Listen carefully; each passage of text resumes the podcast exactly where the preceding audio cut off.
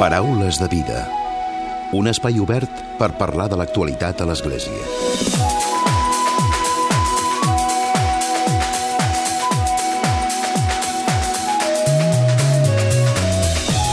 Què tal? Salutacions i molt bon dia, molt bon diumenge. Les escoles parroquials han reivindicat l'educació especial com una eina d'inclusió social de les persones amb diversitat funcional. Aquesta ha estat una de les conclusions de la jornada Construint Futur, que estava organitzada per la Fundació d'Escoles Parroquials de l'Arcabisbat de Barcelona, celebrada fa uns dies aquí a la capital catalana. La trobada també va servir per mostrar bones pràctiques de les cinc escoles d'educació especial de la FEP i reconèixer els centres educatius com un recurs imprescindible per dur a terme aquesta inclusió social.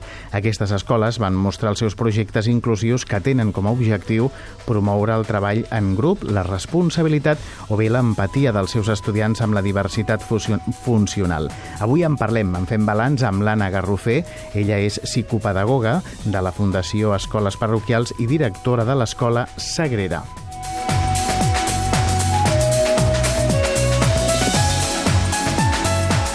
I avui, diumenge, a les 5 de la tarda, el Palau de la Música Catalana de Barcelona acollirà un concert coral en homenatge al pare Ireneu Sagarra amb motiu del centenari del seu naixement. Amb aquest concert, promogut per la Unió d'Antics Escolans de Montserrat, en col·laboració amb la Fundació Orfeo Català Palau de la Música Catalana, el Palau de la Música se suma també al reconeixement de qui va ser director de l'Escolania de Montserrat durant 45 anys, tot un referent de la pedagogia musical i mestre d'un gran nombre de músics catalans reconeguts a nivell nacional i internacional. En parlarem avui, ho farem amb en Ramon Bacardit, que és membre de la Unió d'Antics Escolans de Montserrat.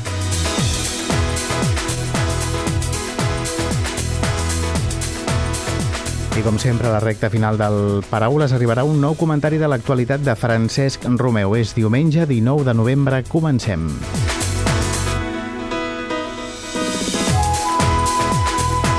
I saludem l'Anna Garrofer. Molt bon dia, Anna.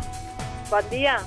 Unes jornades que heu fet des de la Fundació Escoles Parroquials i en la que s'ha parlat de diversitat funcional, oi? Sí, més aviat s'ha parlat una mica del moment actual que està l'educació especial avui. A les jornades una mica vam fer l'aposta per dir aprofitant que sabia que mm, s'ha aprovat un nou decret d'atenció educativa, era una mica parlar de la, de la inclusió avui, d'on venim, d'on venim les escoles d'educació especial i una mica cap a on anem i la realitat actual. Aquest va ser una mica el, el, el resum del contingut de les jornades, uh -huh. amb uns ponents... Digues, digues. No, no, perdona, continua, continua. No, que van venir uh, dos ponents de renom, un era en Climent Giner, que és doctor en psicologia i professor uh, emèrit de la Universitat uh, Blanquerna, i després en, en, Ramon, en Jaume Miró, que és eh, també psicòleg i professor blancana, però a més a més és inspector d'educació. Aquestes persones, clar, van contraposar una mica la seva visió, no? Una mica la, la, la part històrica del Climent, que té una trajectòria molt llarga, i la part més real i més actual del, del que està passant ara per part d'en Jaume Miró. Uh -huh. Va mhm. ser fantàstic, eh? Tot i que, i com deies, una contraposició, perquè una cosa és la, la, la realitat i una altra cosa són les lleis, no? Exactament, exactament. I de quina manera s'apliquen aquestes lleis i amb uh -huh. quins suports. Nosaltres, um, una mica la, la jornada també està enfocada per, per, per treure en valor del que feien els, els centres especialitzats. Clar, la, la Fundació d'Escoles Parroviaquials, que com molt bé saps són, són 18 escoles i, de, i 5 d'elles són d'educació especial, vull dir, elles aporten per la inclusió educativa, perquè parteixen d'aquesta concepció cristiana de la persona, no? Que és que tota persona eh, té, una vàlua independentment de la seva capacitat, cultura i fins i tot condició social. Doncs clar, partint d'aquesta base, la, les escoles parroquials fomenten la inclusió als seus centres, però clar, intenten donar-los tots els suports i tots els addicionals i totes les mesures per ajudar els seus alumnes. Però hi ha determinats alumnes que, com has dit tu, que són de diversitat funcional, que aquests alumnes necessiten uns suports molt més incentius, molt més intensius per, per una mica que es puguin incloure en un futur com, com a persones participatives en la nostra societat. Clar, aquests suports intensius des de la Fundació d'Escoles Parroquials doncs veiem que qui els bon dona perquè tots professionals amb una expertesa molt gran són les escoles d'educació especial. Uh -huh. Clar, i, i com dèiem, no, que la realitat no, no és igual que, la, doncs que, la, que les lleis, com amb aquest decret d'atenció a, la, a la inclusió. Vosaltres ho feu, però a nivell general i hi ha encara molt de camí a recórrer, oi, Anna? molt de camí a recórrer encara. A nivell general sí, perquè en tots els nostres projectes, els que vam presentar doncs, a les jornades de bones pràctiques, són molts d'ells projectes d'aprenentatge servei, que estan vinculats a la societat i són de servei a la societat. Clar, els, els alumnes els potenciem unes competències per lo que diem, perquè en un futur siguin unes persones que puguin incloure's a nivell social en entorns laborals i en entorns participatius de la societat. Uh -huh. I vosaltres vau presentar, com dèiem, aquests cinc eh, exemples. Quins, quins van ser? Uh, van ser de l'escola Nostra Senyora de Montserrat, van ser els jocs de gran format, vale? que són una mena de jocs que ells mateixos han construït de fusta i que els presenten a les diferents escoles perquè els nanos juguen. I són els mateixos alumnes els que els que orienten una mica els, els nanos més petits perquè juguin. Uh -huh. Després, des de mm, l'escola nostra, um, Mare Déu de Montserrat, de l'escola que és, que és um, uh, la que no és professional, m'explico? La que és d'escolaritat uh, de, obligatòria, de la sí. primària i secundària. Aquí s'ha de presentar el tema de senoteràpia, com a partir del teatre es treballen les emocions amb, amb els alumnes i l'autocontrol. Després nosaltres, l'escola La Sagrera, dic nosaltres perquè des de l'escola va presentar un projecte vinculat a la Fundació Cruyff, que són herois del Camp Cruyff, que, que mm, preparem els alumnes perquè ells aprenguin a organitzar esdeveniments esportius i que poden traslladar-se perfectament a esdeveniments culturals o, o a festes d'aniversari, no? a partir d'un projecte que està vinculat a la Fundació Cruyff. I organitzem un torneig, que és el, el torneig um, Curicó Ciutat de Barcelona, per a mm. alumnes de 12 anys de les escoles ordinàries. Després, l'escola de, de Montserrat, mm, del, però la, la de l'escola professional, va presentar un, un projecte de competència social, de treballar les habilitats socials amb els alumnes perquè puguin inserir-se amb, el, amb els entorns laborals. I l'Escola d'Aprenents va presentar un projecte d'aprenentatge servei d'acompanyament a la gent gran. Vale? Que els alumnes de l'escola són els que acompanyen a la gent gran, a la gent potser que, que és més dependent, doncs per treure'ls a passeig, per activar la seva intel·ligència mitjançant jocs, eh, de diferents maneres. Aquests són les cinc bones pràctiques que van presentar. Són projectes eh, innovadors, oi, Anna? Sí, molts d'ells són innovadors. Els són innovadors perquè mm, es tracta dels nostres alumnes fer-los sortir al, al, al, a l'entorn, fer-los participar de la societat, organitzant doncs, diferents tipus d'esdeveniments o participant d'esdeveniments. M'explico. I clar, mm. amb, amb aquests projectes, perquè són innovadors? Perquè treballen unes competències que dintre del currículum de l'escola moltes vegades no es treballen. Uh -huh. Anna, amb aquesta jornada que heu fet recentment, aquestes últimes setmanes, amb Construint Futur, heu posat sobre la taula, heu debatut la situació que hi ha actual i a partir d'ara què? A partir d'ara què? Doncs continuarem treballant de la mateixa manera i eh, tenint pendent el decret d'atenció educativa, doncs mirarem de quina manera els nostres centres s'han de transformar per continuar oferint servei doncs, als alumnes amb discapacitat intel·lectual. Uh -huh. Parlem també, abans d'acabar, Anna, de la Fundació Escoles Parroquials. Que, una mica quina és la vostra funció? Què és el que feu? La, com, a, com a fundació? Sí, exacte. La fundació, la, la fundació aglutina les 18 escoles que són escoles molt diverses entre elles, que estan en diferents um, entorns. Normalment les escoles de, de la Fundació d'Escoles Parroquials um, um, van sorgir de les parròquies dels barris. En un moment donat, normalment totes són dels, dels anys 40, 50, 60, no? Mm. que en, en els barris de Barcelona es, es, ve, es, es va notar una manca d'atenció educativa per als alumnes del barri. I d'aquí sorgeixen, per iniciativa de les parròquies, doncs les escoles parroquials. Clar, les escoles estan repartides per tota Barcelona i algunes per l'Hospitalet i alguna a Badalona. Uh -huh. Vale? I la funció d'aquestes doncs, escoles és educar els seus alumnes en tota la seva diversitat, vale? per fer-los persones eh, lliures, participatives, crítiques, i sempre fonamentats amb, amb els valors cristians. Això t'anava a dir, no? Sempre des de la perspectiva de, de dels valors humans cristians, i cristians. Dels valors humans, té un fonament cristià, de l'humanisme cristià que se'n diu. Uh -huh.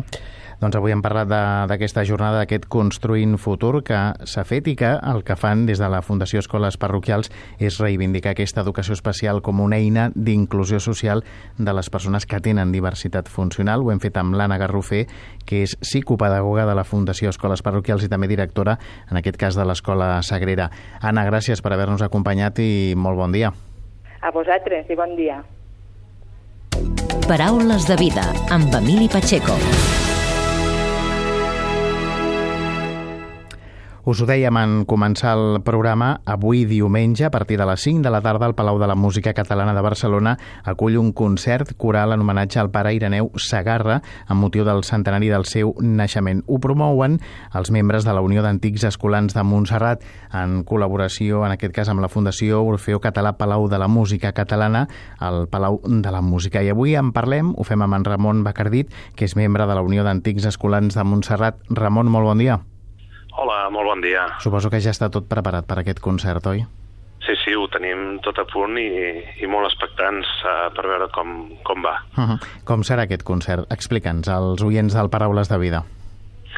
Bé, és, és un concert que, que forma part de l'homenatge que volem fer als antics escolans a, a la figura i a la persona del pare Ireneu. Uh, serà un concert molt, molt Ireneu Sagarra, en el sentit de que mm, serà molt participat, per, des de cors infantils fins a professionals de primera categoria que han estat alumnes de, del Paire Ireneu i per tant doncs, hi haurà una participació massiva de, de tot l'espectre que, que la figura del Paireneu doncs, en, en representa en la música. Uh -huh. Com persones com per exemple Llorenç Castelló, Jordi Casals, Lluís Vilamajor, sí, oi? sí, sí. Sí, sí, hi ha noms, hi ha noms de, primera, de, primera, de primera línia, de directors d'orquestra, directors de cors, eh, compositors, eh, intèrprets d'instruments, de, de, cant, de cant també, barítons, tenors, i els cors infantils i, i d'homes i d'adults, sí, sí. Uh -huh.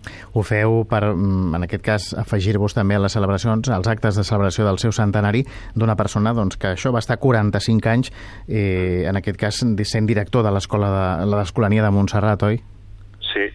Uh, el Pare Ireneu ens va marcar uh, a moltes generacions de, de músics i d'escolans uh, i a més a més va marcar uh, tota una manera i una pedagogia musical a, a moltes escoles de música a través del mètode, del mètode Ireneu Sagarra. Uh -huh. Explica'ns com, com era aquest mètode Ireneu Sagarra. El mètode Ireneu Sagarra era, era un mètode que, que era precisament molt pedagògic, com la figura del pare Ireneu. Uh, permetia doncs, que els nens des de l'inici de la seva escolarització en l'àmbit musical poguessin anar entrant paulatinament eh, d'una manera molt, molt senzilla i molt eh, aplicada en el, en, la, en el dia a dia. Uh -huh. I com ara amb aquest concert que, que es fa aquesta tarda, quin és, la, quin és el repertori, quina és la, la música que, que la gent que hi assisteixi podrà, podrà escoltar? Bé, s'escoltaran cançons de, i, i, i peces de, de tot tipus, no? Uh, sobretot uh, són composicions del Pere Ireneu Sagarra, de música religiosa, i, i el que s'ha procurat és que agafés les, diguem, les tres eh, els tres grans etapes del Pere Ireneu, no? com a monjo, i per tant doncs, hi ha composicions també d'altres monjos eh, de Montserrat, després hi haurà l'etapa de, de director i per tant hi ha peces que ell va estar dirigint d'una forma intensa i també hi haurà l'etapa de, de, doncs, de compositor i per tant també es tocaran peces de, i composicions del Pere Ireneu. Uh -huh. Suposo que per l'Escolania de Montserrat i per Montserrat en general aquest concert és, és important i, i potser mirat amb una certa nostàlgia no? i amb, amb un cert protagonisme també, no? Uh -huh. Bueno, de fet és un concert que es planteja eh, més que nostàlgic eh, és, és un homenatge perquè totes les generacions de gent jove i, i de gent que està plenament activa eh, estaran presents allà per tant és més que nostàlgic és, és una crida de, de futur no? de tot el llegat del Pirineu com va passant eh, doncs de, de generació en generació i, i és ben viu Uh -huh. I també important destacar en aquest cas la col·laboració que, que rebeu de la Fundació Orfeo Català Palau de la Música Catalana, oi? Uh -huh. Sí, sí, hem tingut ple suport des del primer moment en l'organització. Se'ns va eh, facilitar i se'ns va demanar d'entrar en, el, en el cicle anual de concerts que organitza el Palau i, i bé, agrair-los en tot moment la predisposició i les portes obertes que hem tingut des del primer moment, sí. No sé si, si amb aquesta col·laboració se li dona més projecció encara al pare Ireneu Sagarra, tot i que no li, no li fa falta, no?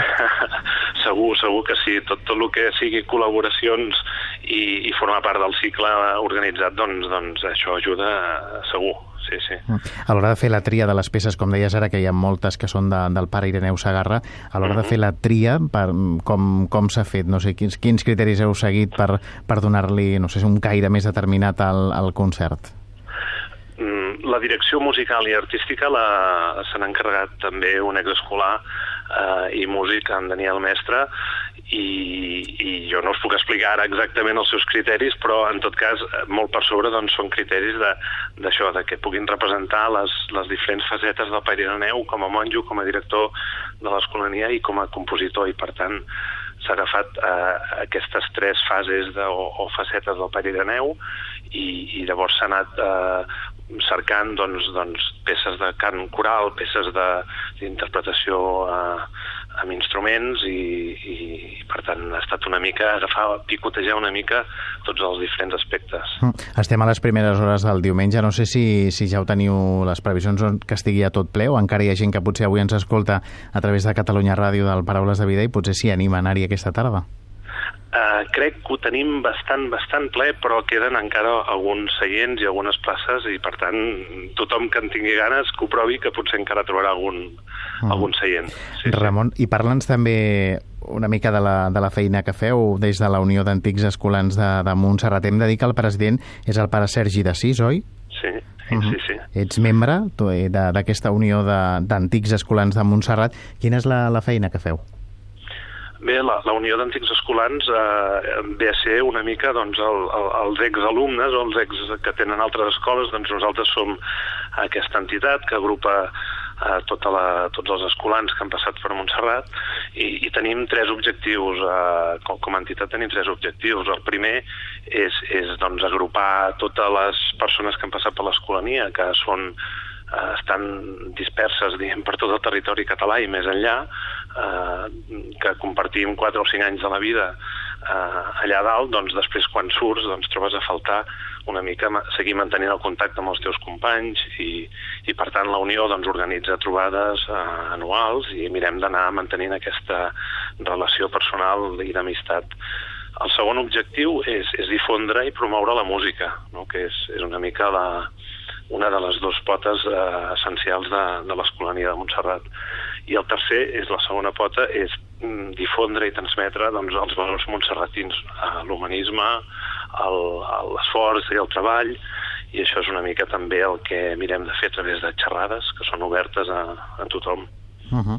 Doncs queden clar aquests objectius de, de la Unió d'Antics Escolans de, de Montserrat i recordem abans de marxar aquest concert que es fa avui a partir de les 5 de la tarda al Palau de la Música Catalana de Barcelona, el concert en homenatge al pare Ireneu Sagarra motiu del centenari del seu naixement. Un concert promogut per la Unió d'Antics Escolans de, de Montserrat. Ramon, gràcies per haver atès la nostra trucada.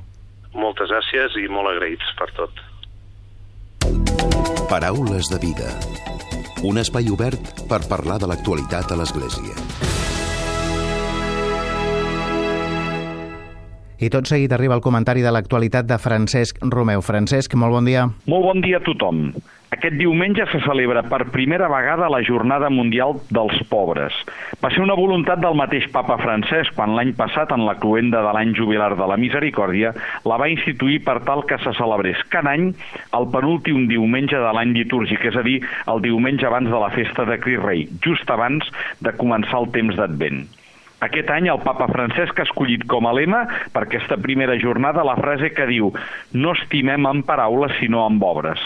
Per aquest motiu el papa francès no, no només ha triat un dia i ha buscat una frase, sinó que també ha fet públic un missatge en el qual explica les seves intencions amb aquesta jornada. El papa diu que ell la vol oferir per tal que arreu del món les comunitats cristianes es converteixin cada vegada més i millor en signe concret de l'amor de Crist pels últims i pels més necessitats.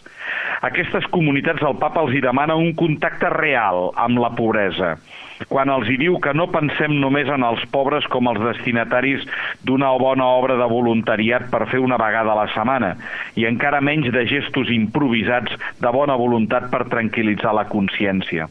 Aquestes experiències, encara que són vàlides i útils per a sensibilitzar-nos sobre les necessitats de molts germans i de les injustícies que sovint les provoquen, haurien d'introduir-nos a un veritable encontre amb els pobres i donar lloc a un compartir que es converteixi en un estil de vida. I aquesta forma de vida produeix alegria i serenitat espiritual perquè es toca amb la mà la carn de Crist si realment volem trobar Crist, cal que toquem el seu cos en el cos nafrat dels pobres, com a confirmació de la comunió sacramental rebuda en l'Eucaristia. El cos de Crist, partit en la Sagrada Litúrgia, es deixa trobar per la caritat compartida en els rostres i en les persones dels germans i germanes més dèbils. Som cridats, per tant, a donar la mà als pobres, a trobar-los, a mirar-los als ulls, a abraçar-los, per fer-los sentir el calor de l'amor que trenca el cercle de soledat.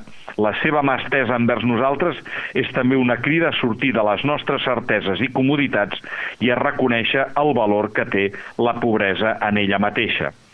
En un punt del missatge, el papa francès descriu la pobresa d'aquesta manera, tot dient que el món contemporani ens desafia cada dia amb les seves moltes cares marcades pel dolor, la marginació, l'opressió, la violència, la tortura i l'empresonament la guerra, la privació de la llibertat i de la dignitat, per la ignorància i l'analfabetisme, per l'emergència sanitària i la falta de treball, el tràfic de persones i l'esclavitud, l'exili i la misèria i per la migració forçada. La pobresa té el rostre de dones i homes i infants explotats per interessos vils, trepitjats per la lògica perversa del poder i del diner, Quina llista més inacabable i cruel ens resulta quan considerem la pobresa com a fruit de la injustícia social, la misèria moral, la cobdícia d'un pocs i la indiferència generalitzada. I aquesta dura descriptiva és la que porta el papa a fer aquesta denúncia – mentre emergeix cada vegada més la riquesa descarada que s'acumula en mans d'uns pocs privilegiats, sovint acompanyada de la il·legalitat i l'explotació ofensiva de la dignitat humana, avui escandalitza la propagació de la pobresa en grans sectors de la societat sencera. Davant d'aquest escenari no podem restar inactius, ni tampoc resignats a la pobresa que inhibeix l'esperit d'iniciativa de molts joves impedint-los trobar un treball, a la pobresa que adorma el sentit de responsabilitat i indueix a preferir la delegació i la recerca del favoritisme, a la pobresa que enverina totes les fonts de la participació i redueix els espais de la professionalitat, humiliant d'aquesta manera el mèrit de qui treballa i produeix. A tot això s'ha de respondre amb una nova visió de la vida i de la societat pel papa, aquesta nova visió consisteix en mantenir la mirada fixada en aquells que allarguen la mà clamant ajuda i demanant la nostra solidaritat. Són els nostres germans i germanes creats i estimats pel Pare Celestial, perquè hem de reaccionar davant de la cultura de l'exclusió i del malbaratament. Acabo el meu comentari amb el que diu també finalment el papa. En aquest diumenge, si en el nostre veïnat hi viuen pobres que demanen protecció i ajuda, acostem-nos-hi. Serà el moment propici per trobar el Déu que busquem. Molt bon diumenge a tothom.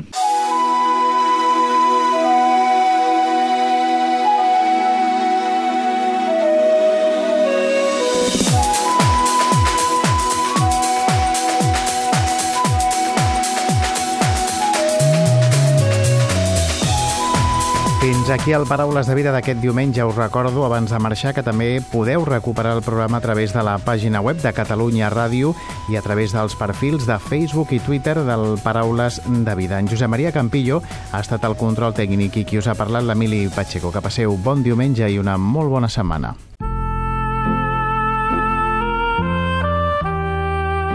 Us oferim la carta dominical de l'arcabisbe de Barcelona, Joan Josep Omella.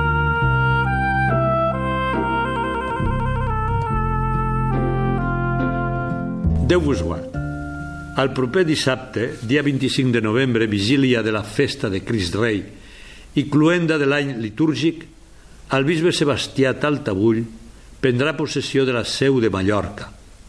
Aquesta nova responsabilitat suposarà que deixi la missió que fins ara ha exercit a l'arxidiòcesi de Barcelona com a bisbe auxiliar. En aquestes circumstàncies em venen al cap les paraules del llibre de Job. El Senyor m'ho va donar, el Senyor m'ho va prendre, beneït sigui el seu nom. Sens dubte, el bisbe Sebastià ha estat una gran ajuda per mi des de l'inici del meu ministeri a l'arxidiòcesi de Barcelona. Agraeixo a Déu que m'hagi concedit aquest valuós ajut i agraeixo al bisbe Sebastià que hagi acceptat ser al meu costat i treballar plegats pel bé de l'Església i pel bé de tots. El bisbe Sebastià Taltabull ha servit durant més de vuit anys l'Església arxidiocesana de Barcelona fent honor al seu lema episcopal «Vosaltres sou els meus amics». El suport d'aquest pastor infatigable ha estat constant i m'ha permès començar la missió en aquesta diòcesi amb certa placidesa, podria dir que l'hem iniciat amb naturalitat, sense tràngols, i això s'agraeix. Que la sembra que ha fet amb tant d'esforç i generositat no es perdi i doni molts fruits. Aquesta tarda, a la Basílica de la Sagrada Família, celebrarem una missa d'acció de gràcies pel Ministeri Episcopal del Bisbe Sebastià. Us convido a pregar per ell, pels pastors de l'Església i per tots els agents de pastoral, a fi que siguem tots autèntics transparències de l'amor misericordiós de Déu, tal com ens demanava el papa Sant Joan Pau II. Benvolgut bisbe Sebastià, que el Senyor et beneeixi, et doni la pau, t'acompanyi en el teu ministeri. Aquí sempre tindràs casa teva. No puc acabar aquesta glossa tan entranyable sense referir-me a la primera jornada mundial dels pobres que se celebra avui. Aquesta iniciativa la va instituir el papa Francesc al final de l'any sant de la misericòrdia i enguany té per lema no estimem amb paraules sinó amb obres. L'objectiu d'aquesta convocatòria és estimular els creients perquè reaccionin davant la cultura del rebuig i del malbaratament i aconseguir que les comunitats cristianes es converteixin cada vegada més i millor en signe concret de l'amor de Crist per als més desfavorits. Per aquest motiu, us animo a organitzar moments de trobada i d'amistat, de solidaritat i d'ajuda concreta que donin sentit a aquesta celebració. Benvolguts germans, que Déu us beneixi a tots. Us hem ofert la carta dominical de l'arcabisbe de Barcelona, Joan Josep Omella.